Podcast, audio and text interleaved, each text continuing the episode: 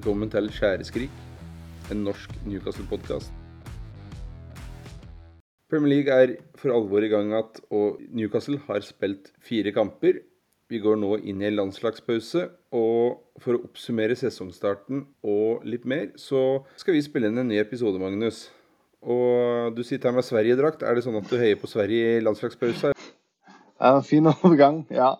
Nei, vi pleier å pynte oss for anledningen, da. Med, med riktig kutyme med svart-hvitt eh, overdel.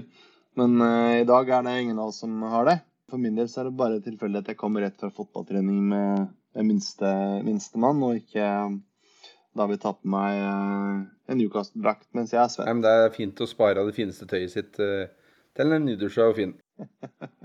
Men uh, siden du er inne på det, jeg vet vi ikke skal snakke om det, men jeg regner med at du også har en god del drakter å velge mellom. Har vi sagt det til, til lytterne våre? Hvor mange, Hvem av oss som har flest drakter? Hvor mange har du? Vet du det? Uh, nei, jeg har ikke et eksakt antall. Uh, men jeg har uh, Jeg flytta her for et par år siden. Da telte jeg over, selvfølgelig. Jeg tror jeg er og nikker ganske tett opp mot 60 drakter.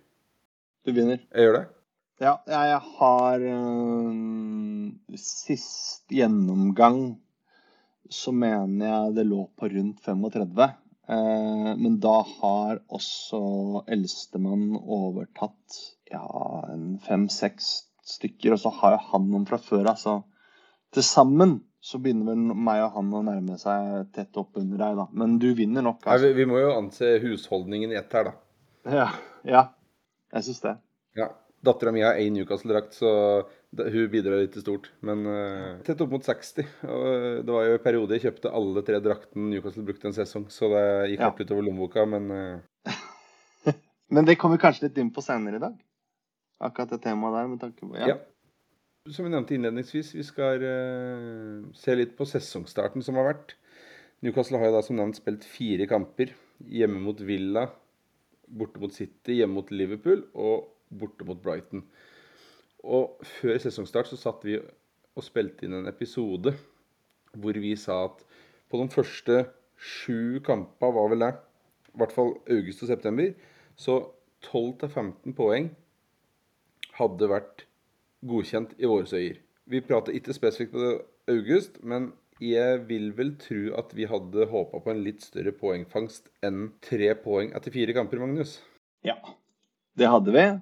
Men eh, ja, hva skal man si? Sånn, uh, vi ble nok kanskje litt lurt av en overkjøring av en åpningskamp på Villa der, da. Uh, for Villa kollapser jo totalt etter at Tyron, Tyron Mings måtte ut med skade der. Så da så, jo, da så det veldig, veldig sterkt ut. Jeg tror nok ikke jeg var den eneste som regna med at vi skulle gi City ganske hard match. Men der forsvinner vi av gårde med en altså, knepen tap. Så ikke det at det er ufortjent, men det er en, det er en dødball, en corner unna en litt eh, heldig scoring av å få med oss et poeng fra Manchester. Og så er jo Liverpool også i seg selv her jo en eh, Ja, hva skal man si? Det er jo en Ikke en skandale, men det er jo utrolig flaks for Liverpool sin del at de får med seg de tre poengene der. De har to kontringer og skårer begge to mot ti menn, så den, den, kan nesten ikke regnes med. Og den siste nå er jo kanskje den, selv om ikke jeg har sett det, men sånn resultatmessig sånn mest skuffende av de, første, av de tre tapene. Og Jeg vet ikke hva du tenker. Nei, altså Villa-kampen er jo en fantastisk seier. Samtidig så jeg føler jo resultatet ljuger litt, i form av at Unai Emery han klarer ikke å justere backlinja på eh, backlinja si. Så Newcastle får jo en autostrada bak forsvaret til Villa i andre omgang der, og peiser på. City-kampen så jeg jo ikke det, for da var jeg på konsert. Liverpool-kampen det er faktisk den som sitter hardest i, fordi jeg skrev det opp på Twitter i første omgang der, så Newcastle er så ekstremt gode. Det er en, av de beste førsteomgangene jeg har sett, i hvert fall med tanke på motstander. Det er gjenvinning, det er hardt press. Liverpool ser ut som et, nesten som et båndlag, både før og etter utvisninga. Kanskje spesielt før. Det er så bittert at Newcastle ikke klarer å øke til 2-0 men heller gir fra seg initiativet i andre omgang der. Jeg har ikke lyst til å skryte av verken Klopp eller uh, veldig mange andre på Liverpool, men uh, de gjør en ekstremt god andreomgang. De er smarte, de legger seg lavt. Vet at Newcastle verken har et stort behov for å bryte gjennom, og de kan ligge og hvile og satse på å kontre inn én eller to mål, og det er det de gjør. Utnytter personlig feil i Newcastle. Bruno mister jo ball på 2-1 der. Matt Target er totalt ute av posisjon på ett av måla, i hvert fall. Vi, kan dessverre bare takke oss sjøl. Men uh, Brighton borte er et bananskall for de fleste. fordi når Brighton får det til å stemme, og så gjør Newcastle en del individu individuelle feil på måla der, så da blir det hardt straffa mot Brighton. altså. Det er ganske skuffende, men, men, for min del så er det den, de siste 30 av Liverpool-kampen som uh, sitter hardest i for min del. altså. Men samtidig så er det fortsatt ingen stor krise. Nei, fordi hvis vi sammenligner med resultatet i fjor, eh, samme kamper, så er, ligger vi ett poeng dårligere enn vi gjorde i fjor. Fordi vi tok jo Vi fikk vel et 1-1-resultat på Amex i fjor. Det var òg helt i starten av sesongen. Men eh, vi tapte mot Liverpool eh, Tapte mot Liverpool hjemme, vi tapte mot City borte. Vant mot Villa hjemme. Så vi er ikke langt bak fjorårsskjemaet, sånn sett, da. Og vi har også spilt mot to av de beste lagene forrige sesong, og vi har spilt mot to av eh, overraskelseslagene, hvis man skal si det sånn. Altså, du, vi har hatt eh, fire veldig, veldig tøffe kamper, tøffe motstandere. Eh, og det får vi ikke fremover, i hvert fall i ligaen. Europa er jo en annen ting, men det også kommer vi inn på senere. Jeg er forbanna over måten vi taper Liverpool-kampen på den svir fortsatt. Men øh, jeg, jeg, ser jo folk på Twitter som begynner å tvile på Eddie Howe, som begynner å tvile på enkeltspillere og bla, bla, bla. Um, jeg syns det har sett svakt ut, det syns jeg. Men at vi skal begynne å diskutere Jeg er uenig i noen av de tinga Eddie Howe har gjort. og kritikk, der mener jeg vi som fans er berettiga til å komme med. Uten at du nødvendigvis ønsker Eddie Howe bort, eller at du syns vi skal selge Bruno eller Joe Linton.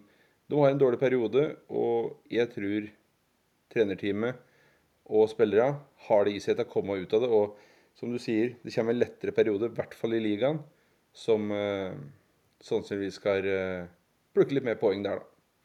Ja, det, jeg tror du har helt rett i det. og Jeg har sett mye av det samme. Altså, kritikk mot enkeltspillere er uh, for så vidt uh, greit. Det er én ting. Og vurderinger som uh, trenerteamet kan uh, gjøre fremover. Nå er det jo så å si samme laget som har uh, starta i alle de kampene, i hvert fall offensivt. Det er en vurdering man eh, kan gjøre med enkeltspillere.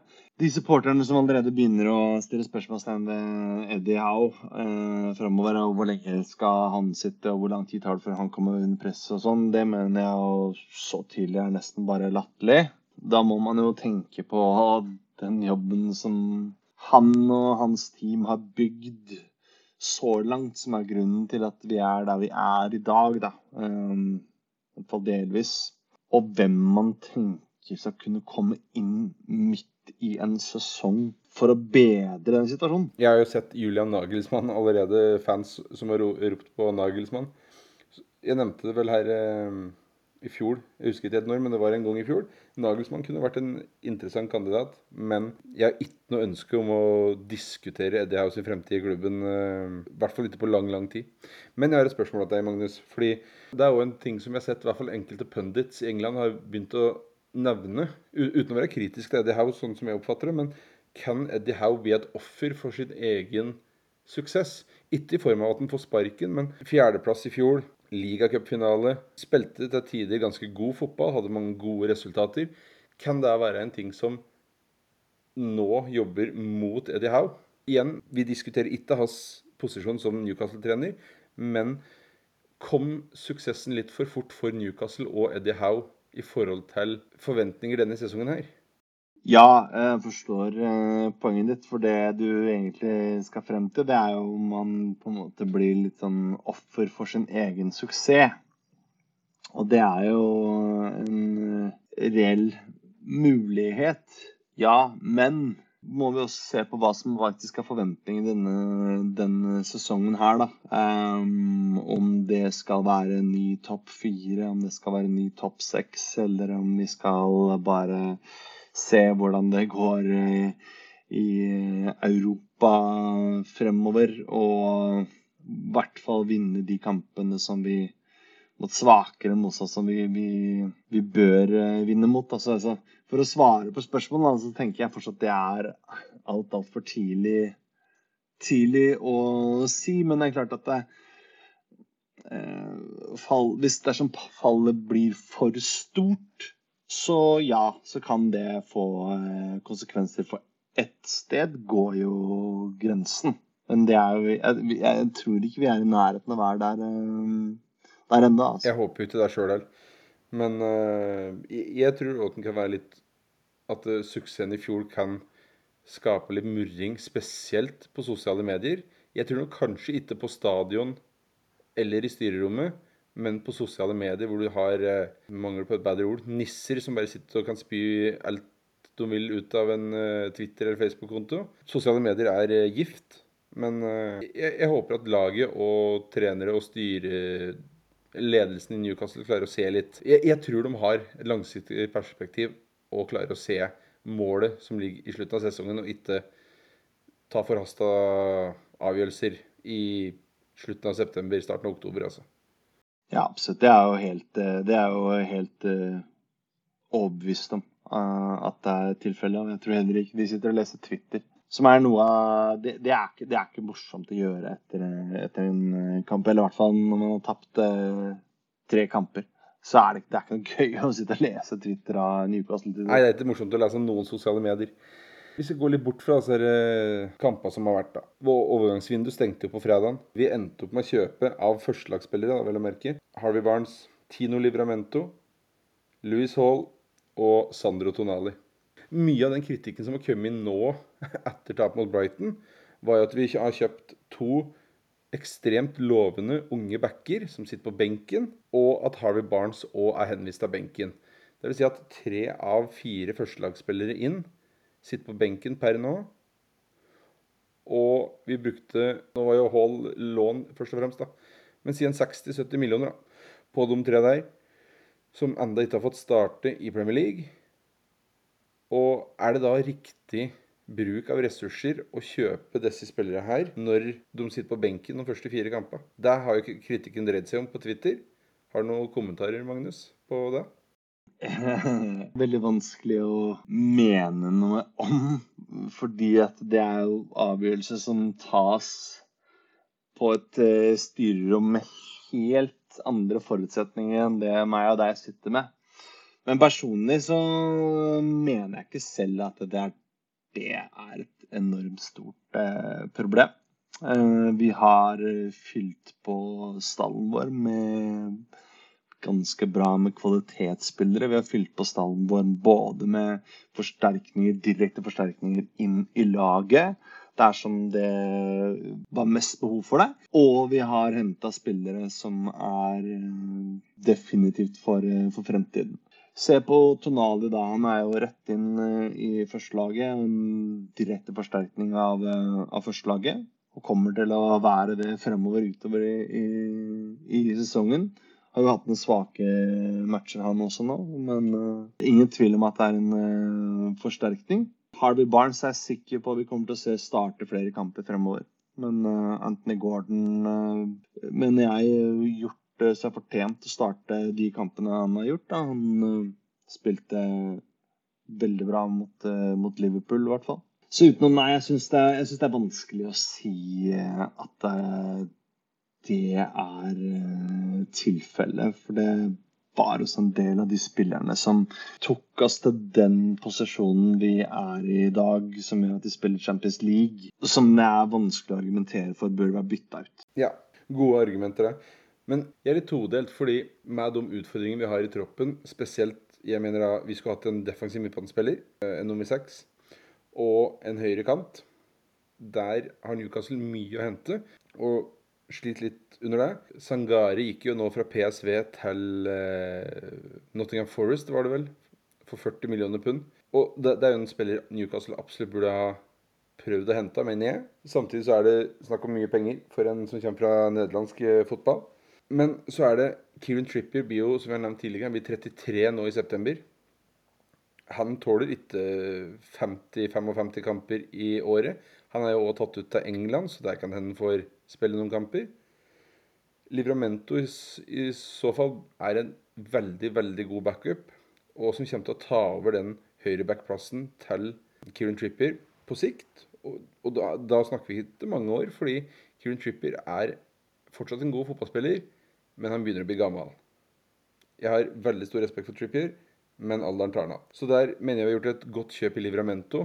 Der har du fort en Hvis den holder seg skadefri og har en god utvikling, så har du plutselig en klasseback der i åtte-ti år, da. 30 millioner pund. Bra kjøp. Louis Hall han kommer vel kanskje som en venstreback, men han har muligheten å spille sentral midtbane. Han kan spille høyre kant, venstre kant. Litt sånn Gareth Bale er det mange som har sammenligna med. Blir veldig spennende å se hva slags utvikling og rolle han vil ha i Newcastle. Men Louis Hall er jo en spiller jeg både skriver på Twitter og har vel nevnt det her òg. Kjempespennende signering. Jeg er veldig fornøyd med den. Selvfølgelig skulle vi hatt en bedre overgangssommer med Skulle kjøpt inn uh, klassespillere her og klassespillere der. Men vi har ikke råd. Og det er dumt å bytte ut for mange spillere på altfor kort tid. Som du sier, mange, kjernen i laget er de som tok oss til Champions League. Og de har ikke vist tegn på at de fortjener å bli bytta ut. Det er noen spørsmålstegn rundt overgangsvinduet, men du kan ikke stille de spørsmåla tre dager etter overgangsvinduet er stengt. Vi må se hvordan sesongen utfolder seg, og så må man komme med en dom eh, etter hvert.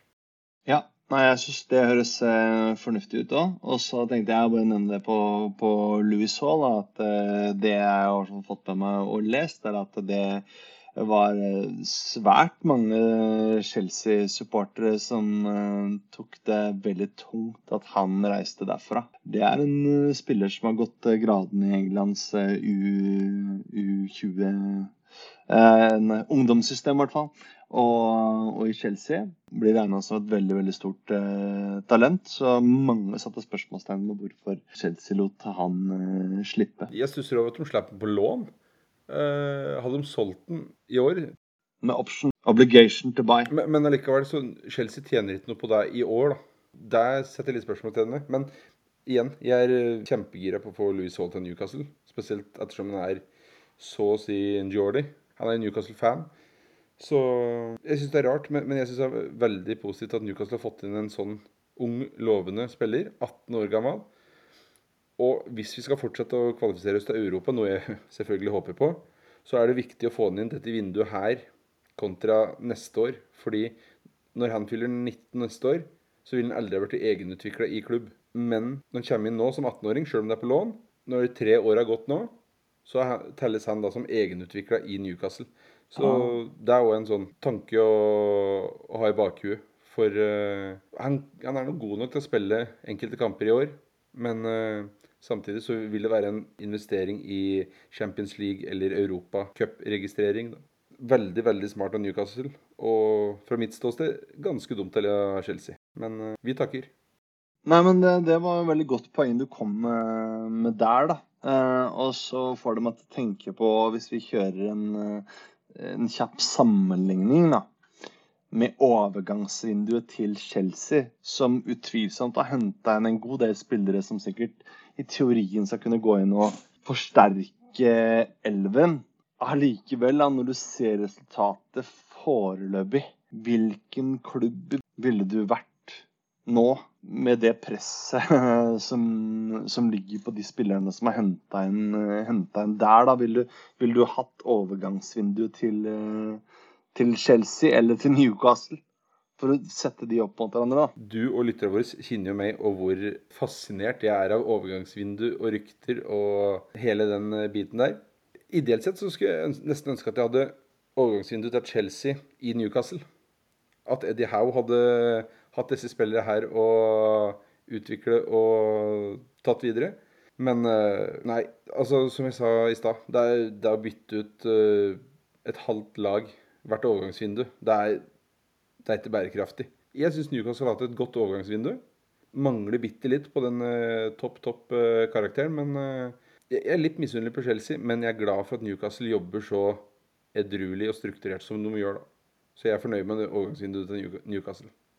Ja, jeg er også fornøyd med overgangsvinduet til Newcastle, men jeg er ikke misunnelig på, på Chelsea. For jeg tror at det er flere spillere som kommer til å floppe der, enn uh, som kommer til å lykkes. Det er sikkert noe man spekulerer i, da. Men, uh, men jeg er også enig i at jeg tror at det er spillere som uh, Noen av dem er kanskje spillere som jeg gjerne ville hatt i, i, klubben for å se hvordan de kunne utvikle seg hos oss. da.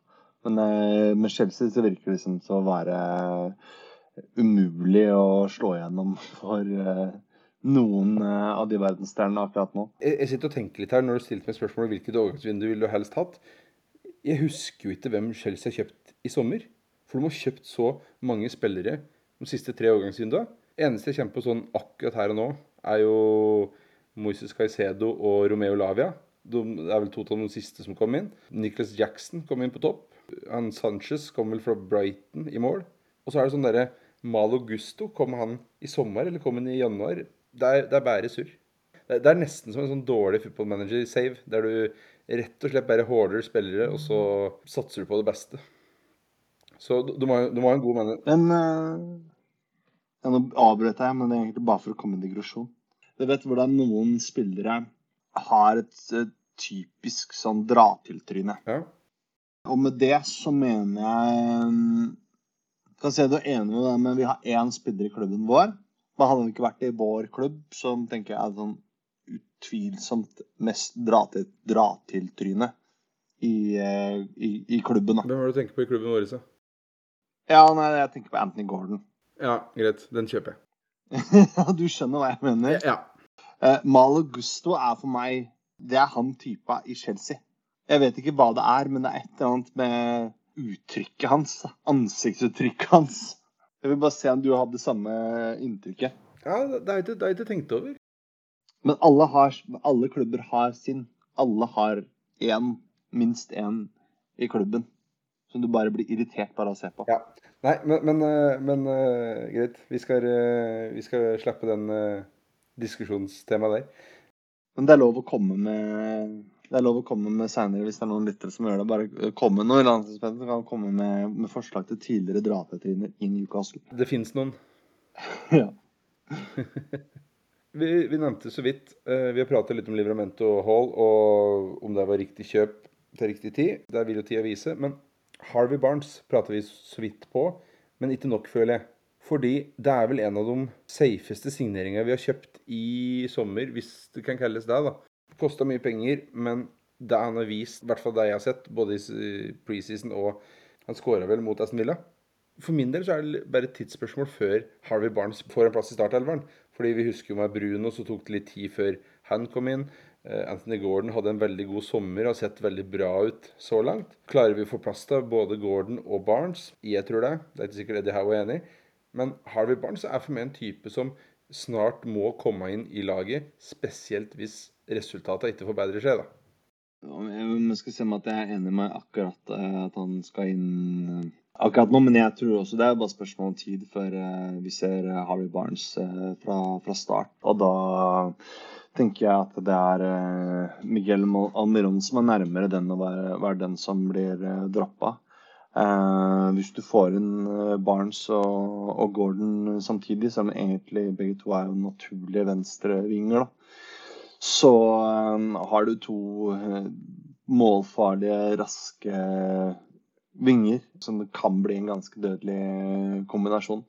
For denne sesongen her så er, er nok eh, for meg også Harry Barnes den spilleren jeg egentlig har mest forventninger til med tanke på involvering, da. Offensive involveringer. Tonali jo, er jo storsigneringen, men han har en litt, litt mindre iøynefallende rolle, da. Ja, absolutt. Og som vi har vært inne på tidligere, at uh, Tonali trenger nok sannsynligvis litt tid. Han fikk jo en kjempestart mot Aston Villa, selvfølgelig, men det vil ta litt tid før relasjoner sitter. Uh, det er ikke sikkert de kommer til å sitte i det hele tatt, men vi, må må bare håpe og tro det, selvfølgelig. Men sånne ting tar litt tid å bygge opp. ny spillestil, ny kultur, ny liga, nytt lag. Det, det, det er så mye som Tonali skal inn i her, da. Jeg regner med han har tatt ut av Italia til landslagspause. Jeg har ikke, jeg har ikke sett det, men jeg regner med at han er det. Han trenger, han trenger den tida, og jeg håper og tror at Eddie Howe kommer til å gi ham det. For vi har en veldig god spiller, men vi må finne ut hvordan vi skal få det beste ut av de spillere vi har. Og Tonali kommer jo selvfølgelig inn og forstyrrer balansen, hvis det går an å si det på den måten. Men øh, hvis vi får den til å passe inn både taktisk og relasjonelt, så, så har vi en kjempespiller i italieneren på midten der. Igjen, det handler om å gi spillere og trenere tid. Det er mye som skal jobbes inn. Tonali har jeg trua på. Det har jeg selvfølgelig med Harvey Barnes. Satt opp Harvey Barnes én mot én, gjerne med et veggspill. Han er rask, altså. Jeg, jeg, gleder meg til å se Harvey Barnes fra start. Jeg tror vi kommer til å få ganske mye glede ut av Harvey Barnes uh, denne sesongen her. Men mens vi er inne på, på høyrekanter, så var det jo faktisk sånn at vi, vi eier jo faktisk en eh, 18-åring som uh, skåra et ganske artig mål i uh, æresdivisjonen uh, den helgen her som var. Han er høyreving, så hvis det fortsetter sånn, så jeg vet ikke, Har vi muligheten for å hente han tilbake fra det lånet? Jeg tenker jo selvfølgelig på han Jakub Aminte. da. Det vet jeg ikke, det har vel ikke stått noe. Men med tanke på alder og erfaring, så er det vel sannsynlig å tro at det ikke er noe Altså hente tilbake-klausul. For, for, oss som har spilt football manager, så er dette veldig svart-hvitt. da. Enten så har du en sånn klausul om å hente tilbake, eller så har du ikke. Mens i virkeligheten så er det jo Det er jo Newcastle som, som sitter på alle korta her. Hvis de syns den trengs i Newcastle, så, så er det bare for dem å avbryte lånet. Det tror jeg ikke er så fryktelig vanskelig i praksis. Kanskje må du ut med en liten kompensasjon til Feyenoord Feynord eh, i forhold til låneavtaler og sånne ting. Men eh, jeg tror ikke den blir hentet tilbake i januar. Men hvis det skulle være nødvendig, så er jeg sikker på at Newcastle har muligheten til det. Men jeg så målet. Men igjen da så har det dette med sosiale medier. Der, der er det jo mange Newcastle-fans som slakter Jakuba Minte for at han da drar av forsvarsspilleren. Men stillinga er 4-1 til Feynord. Det er jo på overtid i andre omgang. Så han, han klarer det, og da, da har jeg ikke noe problem med det han gjør. Men det er litt kult å se når man er 18 år, da. Da har du trua på det sjøl. Og det tror jeg er ganske grunnleggende hvis du skal nå langt som fotballspiller. Altså. Så det blir spennende å følge. Absolutt. Absolutt. Men jeg så litt på terminlista vår her. Um, fra 16. til 30. september så spiller Newcastle fem kamper. Det er fem kamper på 14 dager. Uh, vi prater om Barents, uh, ønsker å se barns inn fra start, og litt rockering. Og her vil det jo selvfølgelig bli rockeringer på laget. Vi møter Brentford hjemme, Sheffield borte, Burnley hjemme i ligaen. Og så har vi Milan borte i Champions League og City hjemme i ligacupen. Så her, her, vil det komme roteringer. Det bør det gjøre. Og da vil spillere få de nye spillerne vil få muligheten til å vise seg fram og fighte for en plass på laget. De som kritiserer at de nye signeringene sitter på benken, vi kommer til å få se dem i andre halvdel av september. Det, det er ikke jeg i tvil om. Det, det, den, rokeringsbehovet det gjør seg, det seg gjeldende Eh, når du får det tette kampprogrammet uansett det. Men, eh, men, før vi forsvinner fra overganger, har du, har du lyst til å snakke om eh, spillere, A-lagsspillere som har forlatt klubben, om det er på permanent eller på lån? Da tenker jeg på um, Ryan Frazier og Jeff Hendrick. Jeg, jeg, vet ikke hvem Ryan Frazier og Jeff Hendrick er. Jeg tar full avstand fra sånne typer spillere. Nei, vet, vet du hva. Det er, det er ganske betegnende at Frazier havner på lån i Southampton. Det er en god overgang for hans del.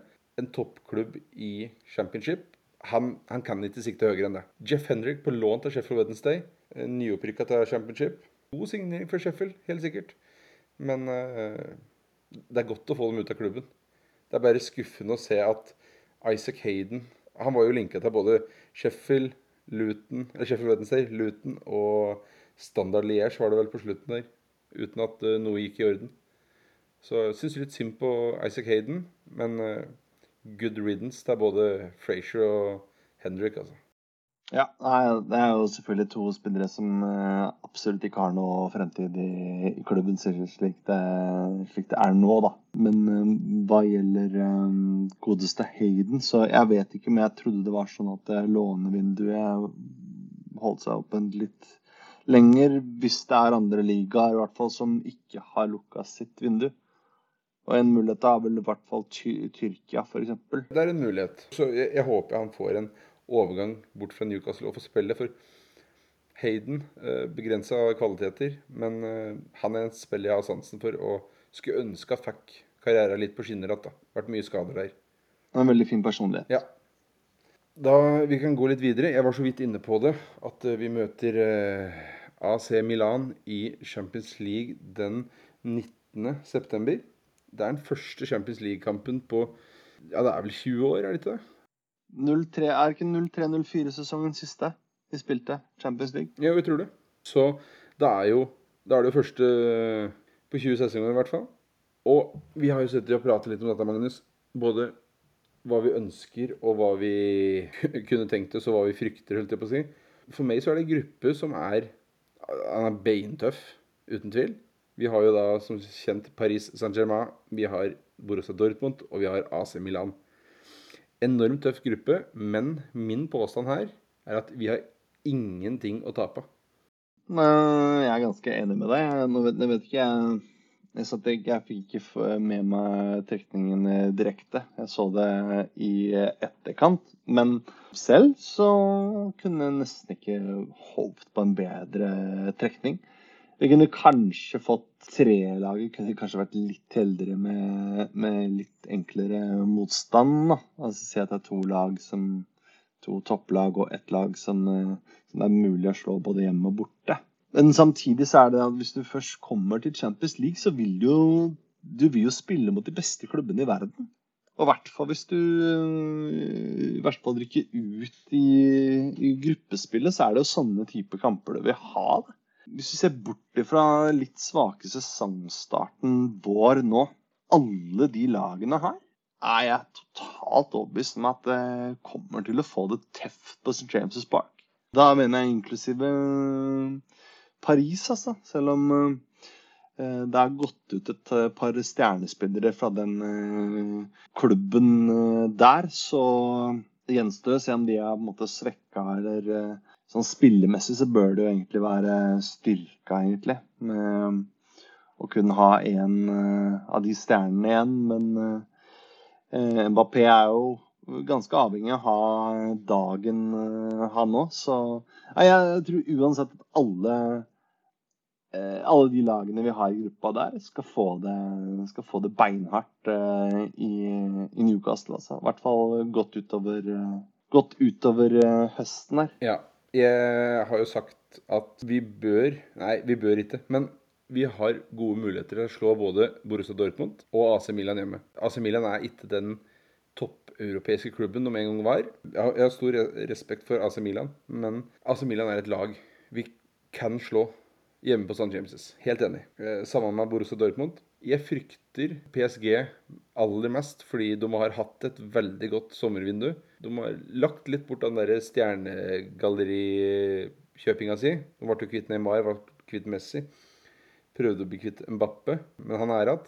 Men det er så mye klassespillere rundt den nå, så PSG er det, det er for meg det sterkeste laget i gruppa. Men igjen, på St. James' så kan alt skje. Hvis vi river med oss et par, eh, en eller to uavgjort, eller kanskje en seier borti Tyskland, Italia eller til og med Frankrike, så gruppa er for meg ganske åpen, til tross for våre, vår dårlige sesongstart. Men igjen, som jeg sa innledningsvis her, vi har ingenting å tape på det.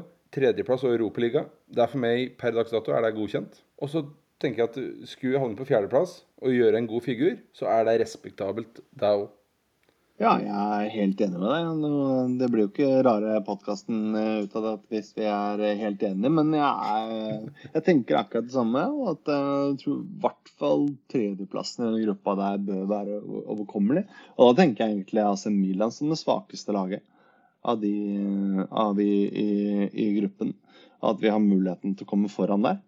Uh, men en annen ting altså Borussia Dortmund òg har altså Jeg ser litt tysk fotball, og de har med to anledninger allerede denne sesongen her rota bort ganske klare seire, altså ledelser. Det er heller ikke nødvendigvis noe lag som vi bør være livredde for å, for å møte, altså. Fullt mulig med en treplass der. Da er det videre europaeventyr i Europaligaen. Blir det en fjerdeplass og tidlig exit, så er det mulig å få fordeler med det òg, for da går det an å konsentrere seg om bare, bare ligaen. Men jeg, jeg, tror vi skal bare ta det vi må bare ta det som et eventyr. Altså, Vi må bare ta det Plutselig så betyr jo tirsdagen og onsdagen og noe. Bare det gjør jo at det kan bli en morsom høst. Absolutt. Vi kan sitte og klage over trekninga, og det, det er beinhardt og alt dette her, men som du har nevnt flere ganger eh, i denne podkasten, at det, hvis du vil være med i Europa, så må du spille mot gode lag. Du kommer ikke unna det. Jo, hvis du spiller conference, Premier League-lag i Conference League, der kan du få grei skuring ganske lenge. Men vi er ikke med i Conference League. Vi er kvalifisert for Champions League. Der møter du lag som PSG, møter lag som Borussia Dortmund og møter lag som Milan. Og jeg er 100% sikker på at Eddie Howe kommer til å stå med åpne armer og bare ønske en utfordring her velkommen. Og bare tenke at uh, vi, skal gi det et forsøk. Vi skal gå utpå der, prøve å spille vårt spill, vinne kamper. Og så blir resultatet som det blir. Nei, jeg, jeg gleder meg til Champions League. Champions League-hymnen på St. James' det er, det er magisk, rett og slett. Ja. Nei, Vi skal bare ta dette her som en eh, ekstra bonus nå i, i høst. Og så uh, resultatmessig så um, får det nesten bare gå som det går. Men uh, jeg tror vi skal få noen morsomme matcher der. Altså. Absolutt. Men et annet viktig poeng i forhold til Champions League, men Premier League, er at etter Champions League-kamper så har vi fire bortekamper Blant annet Westham borte etter PSG, og Manchester Den er riktignok hjemme, da. Hjemme etter PSG. Så det er òg en ting som kan spille inn at eh, sjøl om vi har noen litt enklere kamper etter Champions League, så er det bortekamper. Sjøl om vi har tøffe lag i Champions League, så er det eh, Paris. eh, der har du en lett adkomst ikke sant, fra Newcastle, hovedstad i Frankrike. Milano, god ankomst fra Newcastle. Og så vet jeg at eh, i hvert fall rutefly til Dortmund ikke er uh, veldig enkelt, men der kjøres det jo selvfølgelig privatfly. Det, du slipper altså de lange reiser til grisgrendte strøk, og det er en fordel da, med å ha såpass uh, store lag, er at du slipper å reise til ja, lange turer som tærer på. da. Ja, altså du slipper Øst-Europa, da, som du får i Conference eller Europaliga. Ja, og, og der tror jeg kan spille en liten margin her, men det kan spille inn ganske mye over en hel sesong. At du slipper mye reise og Det er en fordel da, med å ha disse lagene her, at det er korte reiser. Enkle reiser. Så er det det som blir spennende, og det er å se hvordan vi takler den der um, tirsdag, søndag, onsdag, mandag intervallene, da. Nei, det, det, er jo et godt poeng. Det er uh, nytt for mange. Men uh, vi, har jo, vi, har jo, flere spillere som har spilt i Europa. Tonali, Trippier, Botman.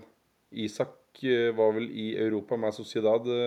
Det er ikke noe du skal kimse av, men samtidig så er det, det er kjent for enkelte av lederfigurene i, i, troppen. Da. Bruno har jo spilt Europa med Lyon. Så helt ukjent er det ikke for en del. Men korte ord om ligacuptrekningen, når vi først er inne på det med cuper og sånne ting, Magnus. Er, er du fornøyd med trekninga i ligacupen? Eh, jeg vet ikke om jeg har nevnt det tidligere, men for meg så er jo ligacupen en eh, veldig fin anledning for uh, litt sånn unge spillere, litt sånn squad players, å få muligheten til å vise seg frem, da. Og det er jo litt uh, synd når du får uh, tøff eh, trekning, for da er vel fristelsen litt større til å la eh, noen av de bedre spillerne prøve seg. Men jeg håper jo allikevel at eh, det er det vi får se, da. At vi får se flere av disse unge spillere og, spillere som ikke spiller fast på laget uke inn og uke ut. I, for det er det ligacupen er der til. Og, og det er ikke i min bok så, så, trenger ikke det være høyest opp på prioriteringslista denne uh, sesongen her. Vi får ta med oss uh, Vi får komme så langt vi, vi kan, men ikke, ikke, på bekostning av verken liga eller Champions League. Jeg er enig. Og så er det for min del så er ligacupen litt i limbo akkurat nå. Jeg vil først ta stilling til den etter City-kampen. For skulle vi ryke, så er det helt kurant. Det er respektabelt. Det er å ryke mot eh, City hjemme i ligacupen. Slår vi ut City, så er vi, da er vi plutselig en storkanon, kanskje den største i engelsk fotball. Den er ute. Og da, da kan du begynne å se litt og spekulere litt i, i ligacupen. Men jeg håper òg at vi bruker Jeg tror at det blir to litt reduserte lag på St. James' i den ligacupen. Og så er det lov å håpe at vi trekker det beste strået, men jeg legger meg ikke ned og griner om vi taper den. altså. Men helt til slutt, på agendaen vår, Magnus, så har vi en eh, Amazon Prime-dokumentar. Eh, jeg har sett hele, du har sett to episoder. Er det lov å si at den dokumentaren er litt flat, Magnus? Spesielt i forhold til hva han kunne forvente? Ja, Eh, kanskje vi skal um, dra inn uh, lytterspørsmålet til Joakim i samme slengen. Han, han har jo et todelt uh, spørsmål eller kommentar, men han skriver jo i hvert fall at han er også litt skuffa over den Amazon-dokumentaren. At han hadde ønska mer fotball og dramaturgi rundt kampene i tillegg til alt det andre. Og det er vel kanskje der det ligger litt, da. At uh, når det endelig da skulle komme en dokumentar om uh, vår klubb, så får man litt høye forventninger, da. Tenker at det her kan jo bli kjempemorsomt. Og så er det jo laget en god del bra sportsdokumentarer de siste årene. Og da må jeg jo nevne altså, kanskje min personlige favoritt, da, selv om det var en komedie. Uh, tenker jeg på, på, Sunderland til I Die. uh, så var jo den utrolig morsom. Uh, for du kommer, men det er også Du kommer jo inn i garderoben, og det, det føles veldig autentisk. da, Det føles veldig spennende knytta til kampene. Selv om man da ser tilbake da, på kamper man kan jo dobbeltsjekke hvordan de gikk i forkant. og alt sånt der, men, men det var en spennende, spennende serie, da. Så man, man bygger vel opp litt eh, forventninger. Eh, og i hvert fall ut fra det jeg har sett de første to episodene, så blir det litt vel mye fokus på gruppen altså Stavely, Godossi, Al-Ramayan, His Excellency Ramayan. Eh, og veldig mye på det business-aspektet på bakrommet, da. og ja, jeg vet ikke helt hva jeg skal si. Altså, ikke, jeg syns det blir veldig rart å sitte og se på at man må omtale Yasir al-Ramayan som His Excellency, og hvordan Mendy Stavely skal sitte og forklare hvorfor det ikke er sportsvasking. Og vi kan jo snakke om mye om, uh, om det at kanskje sportsvasking er et dårlig ord å bruke her, fordi at uh, man, er, man er nok interessert i en investering som på sikt skal gi en form for avkastning. Men hennes eh, forklaring på det virker ikke for meg allikevel som veldig ektefølt. Det virker ikke Jeg får ikke følelsen av at det blir autentisk, da. Som, som, er mye vi er ute etter, da. Nei. Og jeg, jeg, tenker, jeg tenker denne dokumentaren her, den datt litt mellom to stoler, da. Fordi, som du sier, det er veldig mye fokus på eier- eller ledergruppa i, med Darren Eels, med Stavely Godussi, Ruben, Jamie Ruben og Al-Rumayan. Og så plutselig så er det kamper som er litt viktig, og Alan Shearer som forteller, og du ser bitte, bitte små glimt fra garderober og sånne ting. Den oppbygginga du prater om i Sunderland til I dag, den er på et helt annet nivå. Eh, Netflix gjorde en mye bedre dokumentar der, sjøl om altså Netflix gjorde en veldig god dokumentar av en dårlig fotballklubb. Men uh, igjen, jeg, føler denne dokumentaren detter litt mellom to stoler. For det handler ikke fullt så mye om fotballen. Men vi får ikke et godt nok innblikk på ledelsesbiten heller. Det er for lite fokus på eiere, hvis det er den ruta de ønsker å gå ned med dokumentaren. Så Stavely avfeier uh, den sportsvasking-diskusjonen på et par, maks et par minutter. Kanskje ett. Jeg syns de skulle hatt en langt dypere dokumentar. Altså gått dypere inn i klubben. De skulle ha hatt mer stemningsrapport fra fans, fra Jeg vet ikke helt hva jeg skal si, men, men jeg føler at det er en svak dokumentar fordi de maler det litt rosenrødt rundt eierskapet, og de har ikke nok fokus på det sportslige og fansen. da. Fansen Warflags er vel meg i episode tre eller fire, tror jeg. Episode tre, tror jeg det er. Det er jo positivt, men for meg så blir det litt for rosenrødt, da Hvis du først skal ha fokus på at Newcastle er kjøpt opp, og den prosessen som skjer etterpå, så må du òg ta med elefanten i rommet. da. Og det gjør de ikke på en god nok måte, syns jeg. Og så er det det mm, Jeg kommer på å tenke på det litt òg, at jeg, jeg føler på en måte ikke at de klarer å vise frem det, den ekte klubben, altså den klubben som vi er glad i, da, og byen rundt, og den supporterkulturen som er der. Eh, jeg skal huske De hadde på en måte tatt seg litt tid til å bli litt bedre kjent med hvor mye klubben faktisk betyr for byen og, og menneskene som bor der. Eh, og følge livene til noen av de menneskene som følger, som følger, klubben. Og gjerne høre med de som da har fått dette her tilbake fra um, oldefar, tippoldefar. Og det båndet som, uh, som ligger der. For det er så det er det som er med Newcastle. at Hvis du reiser dit, så er det så mye lettere å finne de båndene der enn det det oppleves at det er på f.eks. de store London-klubbene, Manchester-klubbene og Liverpool-klubbene til en viss grad. Det er også fordi at de er så ekstremt sånn turistifiserte. De er så storklubber, og de har distansert seg så mye. Men Newcastle er vi, det er på en måte fortsatt ikke der. da, Det er så det, er, det føles så ekte, da, hvis man, hvis man reiser litt. Det er, sånn, jeg er litt skuffa over at ikke man får fram litt mer av det som Kanskje litt dum sammenligning, men jeg føler at du kommer nærmere det på f.eks. på en film som Goal. da.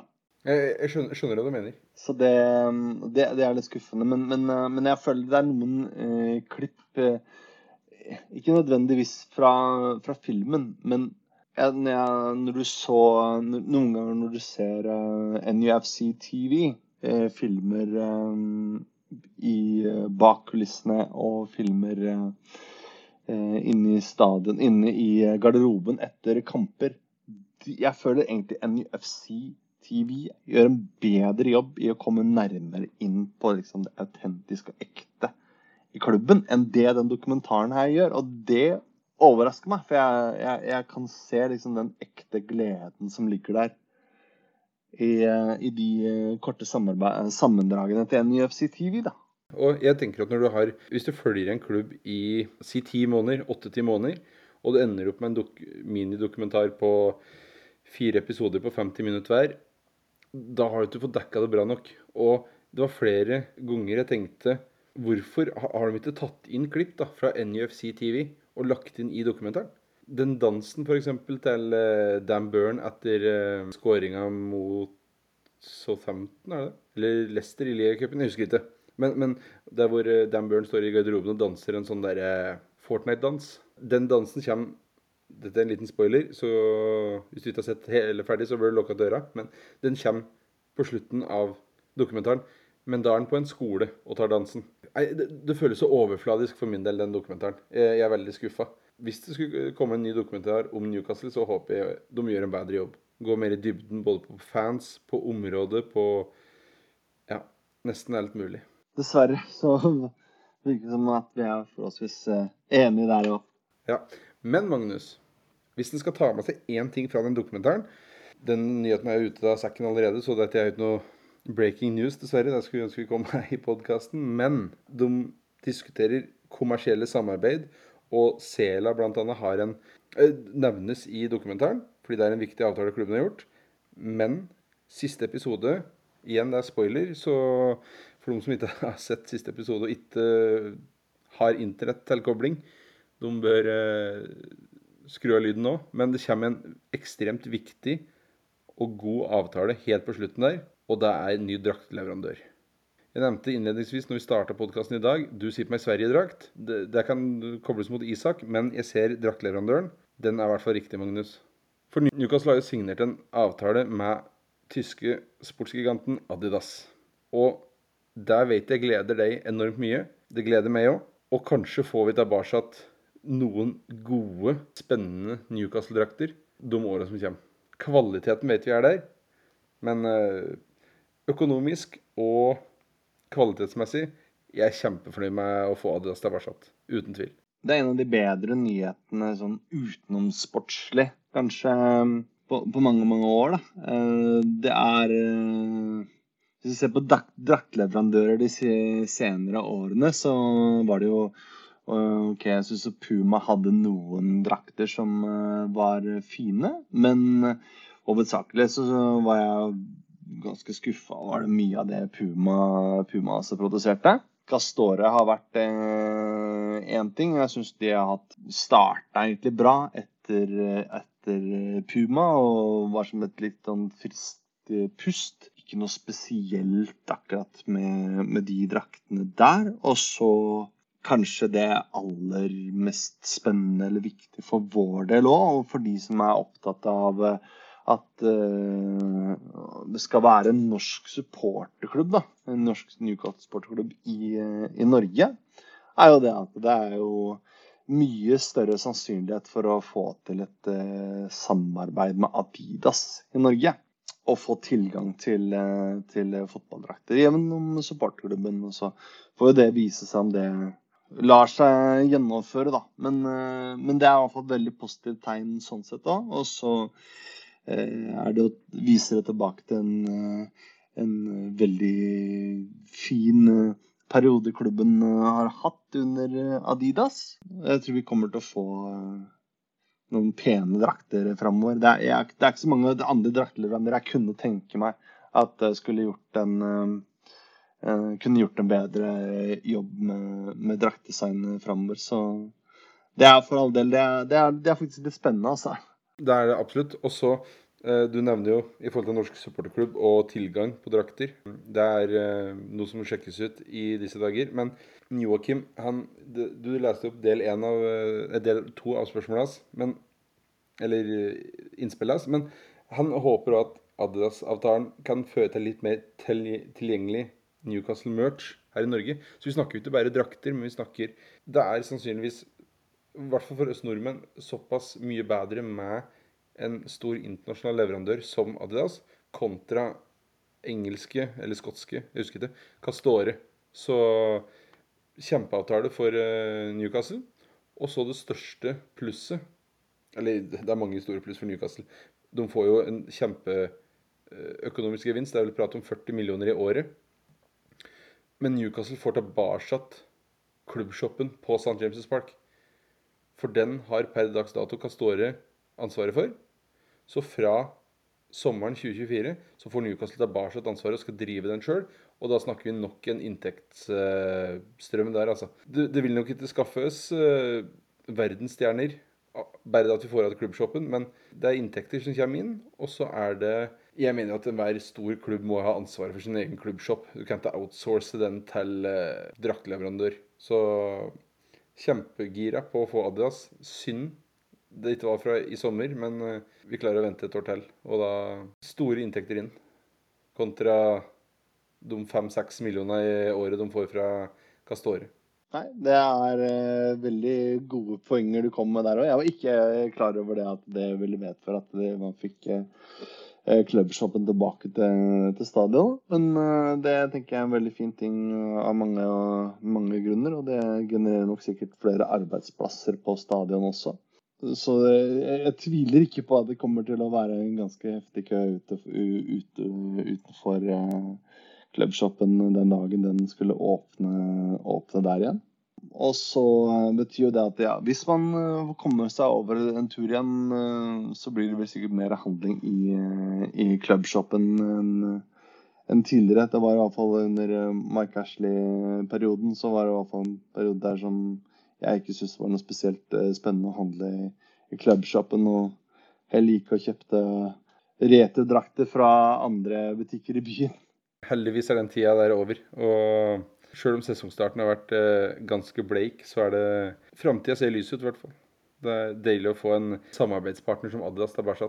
En klubb som Newcastle har behov for det. Men et uh, spørsmål som uh, dukker opp, det er, det er jo ikke dette det har noe å si for oss eller klubben i det hele tatt, men jeg syns det virker litt merkverdig da, at man går ut med det nå før Castore-avtalen faktisk er ferdig at ikke, om ikke Castor reagerer på det, at det kan gi mindre inntekter til dem, da. eh, hvis man vet at man ikke skal fortsette med samme leverandøren fra neste sesong. Hadde det ikke vært et mer naturlig tidspunkt å komme med dette her på altså etter sesongen? Eh, før neste sesong? Jeg, jeg tenkte litt på det samme, og det hadde vel passa bedre sånn Jeg vet ikke hvorfor jeg tenker det, men rundt apriltid hadde vel kanskje vært en bedre eh, tidspunkt å komme med noe sånt noe, da nye drakter og sånn er, eh, er et tema. Men eh, samtidig så, så tviler, tviler jeg på at Castore har noe å si, da. Avtaler gjøres jo selvfølgelig, og det har vel egentlig ikke vært noe hemmelighet at Newcastle har prøvd å bryte avtalen med Castore. I siste episode av, eh, av eh, dokumentaren så er eh, Amanda Stavely sier at Castore har vært en kjempegod samarbeidspartner, og, og de, vil, de har satt- pris på det samarbeidet de har hatt. Det tror jeg òg er reinspikka løgn. Fordi klubbshoppen har jo For det første så virker Castoro ikke ha noe logikk på størrelse på drakter. Du må jo opp i 50 XL for å få passende drakt til en gjeng i Newcastle-supporterne i England, ser det ut som. Alt sånn er utsolgt. Og så at drakten blir utsolgt i, i, før sesongstart, det er jo en farse. Altså, Verken Castore eller Newcastle kommer spesielt godt ut av det. At det, det fins ikke at drakter å oppdrive. Det, det syns jeg nesten er flaut som supporter. At klubbshoppen er tom for drakter før sesongen starter. Så jeg, jeg tror Newcastle er glad for å bli kvitt Castore. Og jeg tror nok også denne avtalen her, spesielt når summer og sånn blir pratet om, at det, sender et signal da, til eh, resten av eh, den kommersielle verden rundt fotball at eh, nå begynner Newcastle å se etter seriøse samarbeidspartnere med Sela, som er en kraftig prisøkning, Adidas, som er en kraftig prisøkning. Vil dere være med og leke med Newcastle, så må dere betale gode penger. Ja, nei, det er nok, eh, det er nok helt uh, riktig. Men uh, jeg syns bare at, eh, Det er nok en grunn Det er nok en bakgrunn bak uh, timingen med dokumentaren og, og alt mulig. Men det bare virka litt uh, merkelig. Men det er heldigvis ikke noe vi trenger å henge oss veldig opp i. Da. Nei, jeg, jeg er enig, men jeg syns det er godt allikevel at de er tidlig ute og annonserer den. Men da er vi gjennom programmet for i dag, Magnus. Før vi gir oss i dag du slipper, I dag slapper du ikke unna, for du slapp unna forrige gang. OK? Så Newcastle spiller jo første Champions League-kamp borte mot AC Milan. AC Milan og Newcastle hadde jo da eh, overgang mellom Sandro Tonali nå i sommer. Men det er én tidligere overgang på seniornivå mellom AC Milan og Newcastle. Ja. Og det burde jo du vite. Ja, det burde jeg sikkert. Ja. Eh, Men dette er, dette er jeg så dårlig på. Men eh, er det Jon Dahl Thomasson? Nei, det er det ikke. Men vi er, du er på riktig kontinent. eh, Men eh, du må til et annet eh, annen nasjon. A few moments later. Du må få flere tips her, det virker det som. Altså, han var ikke Han var ikke noe stor hit. Han var ikke det. Eh, og du skal også få eh, sesongen, for han kommer jo da, sånn som jeg har forstått det, han kommer da før sesongen 98. Andersson? Ja. Andersson. Andreas Andre, Andreas Andersson. 15 starter i, eh, i Premier League. To skåringer. En av de mest suksessfulle spissene vi har hatt. For oss som husker Cisco, Alberto Lucchi, Emanuel Rivier. Ja. Ja. eh, Det er en god rekke. Kanskje litt klubbkulttelt. Så da det, det, det, er vel eh, Det blir vel nesten kjent som Andreas Andersson eh, Derby. Ja, Vi skal inn. det vi, vi tar den. Ja. Jeg vet ikke noen andre gjør det, men Nei, men Magnus, vi, vi gleder oss til eh, Champions League. Det blir en tøff høst. Det blir mye neglebiting og sikkert mye frustrasjon, men jeg håper òg det blir fryktelig mye glede. Champions League-hymner, Newcastle i Champions League. Det er, det er bare å glede seg, sjøl om eh, starten har vært litt rå, altså. Absolutt. Og med det så er vi ferdige for i dag. Og da Det eneste vi har å gjøre da, er å si Hoi, the lads. How are the lads?